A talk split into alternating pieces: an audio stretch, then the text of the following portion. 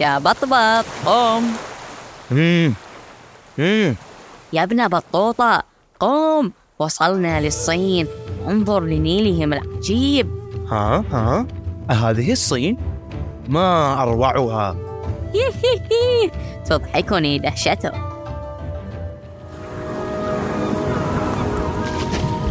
بودكاست حكاية. نغوص في أعماق الحكاية.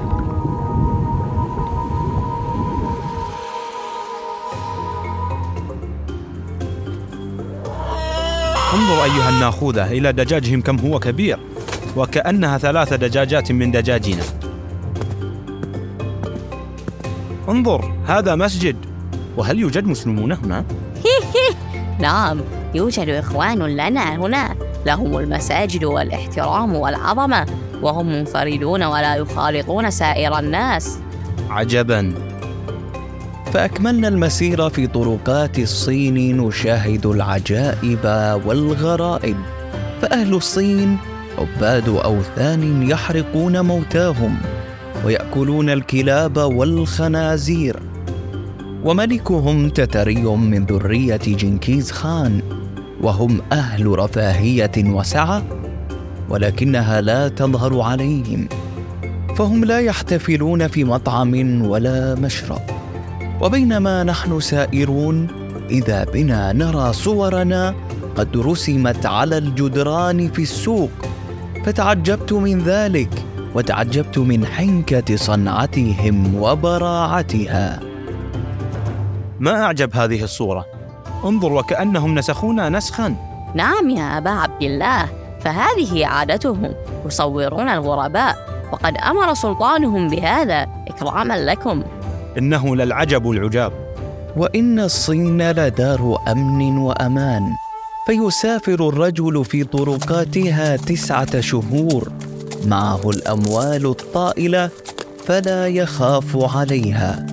وترتيب ذلك أن لهم في كل منزل ببلادهم فندقا عليه حاكم يسكن به في جماعة من الفرسان والرجال فإذا كان بعد المغرب أو العشاء الآخرة جاء الحاكم إلى الفندق ومعه كاتبه.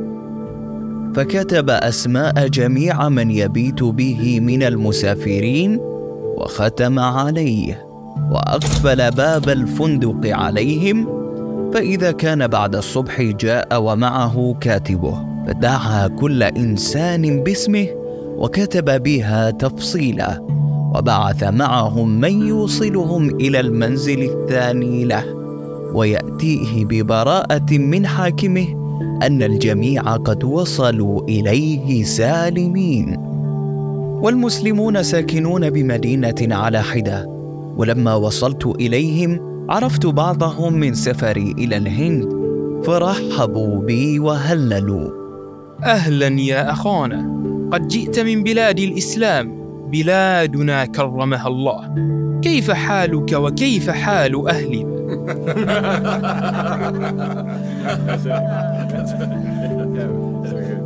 يا ابن بطوطة خذ زكاة أموالنا أنت ومن معك فإن المسلمين أهلها. أكرمكم الله يا أخي وزادكم من فضله. فكتب إخوة المسلمين إلى القان أو الخان وهو ملكهم الأعظم.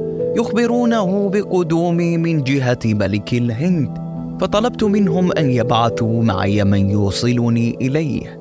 فركبت مركبهم العجيب وسافرنا في نهرهم سبعة وعشرين يوما. نقف في كل يوم عند قرية نصلي بها ونشتري ما نحتاج حتى وصلنا إلى مدينة صين كلان وهي مدينة صين الصين وهي من أكبر المدن وأحسنها أسواقا ومن أعظم أسواقها سوق الفخار ومنها يحمل إلى سائر بلاد الصين وإلى الهند واليمن. وليس وراء هذه المدينة مدينة لا للكفار ولا للمسلمين.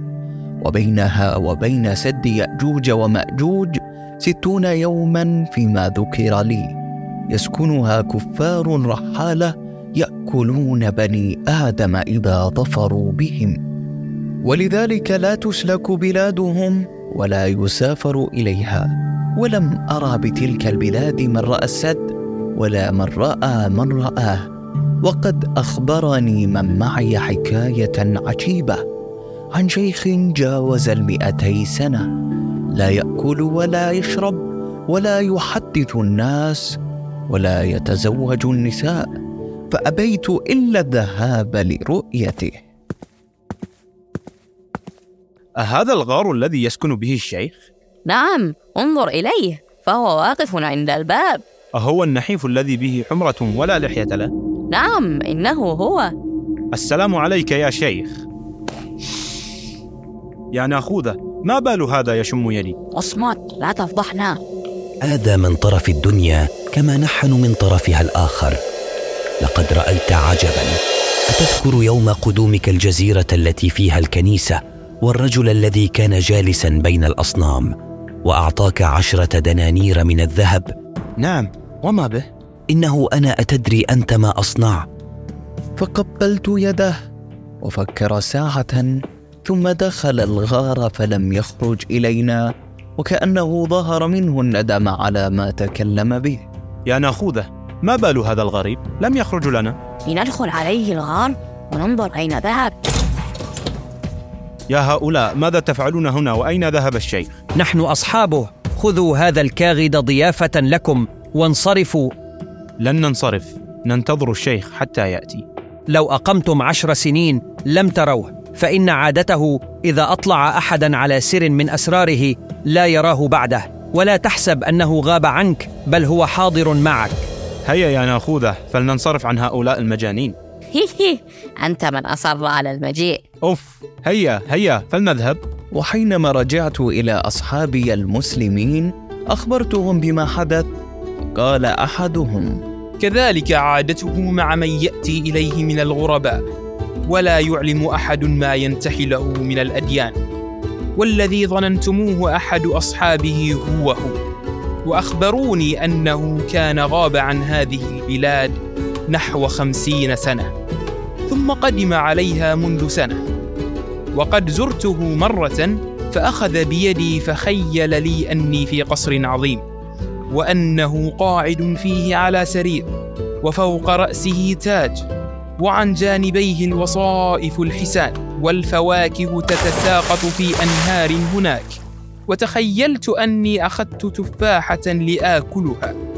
فإذا أنا بالغار وبين يديه وهو يضحك مني ثم أصابني مرض شديد. لازمني شهورا فلم أعد إليه. ولا يصلي هذا الرجل. وإذا سألته عن الصلاة يقول لك إن صلاتي غير صلاتك. الظاهر إنه دجال وساحر يكذب على الناس قبحه الله. هيا هيا يا بطبط. فلنذهب لمدينة الزيتون ونلتقي بالخان. توكلنا على الله.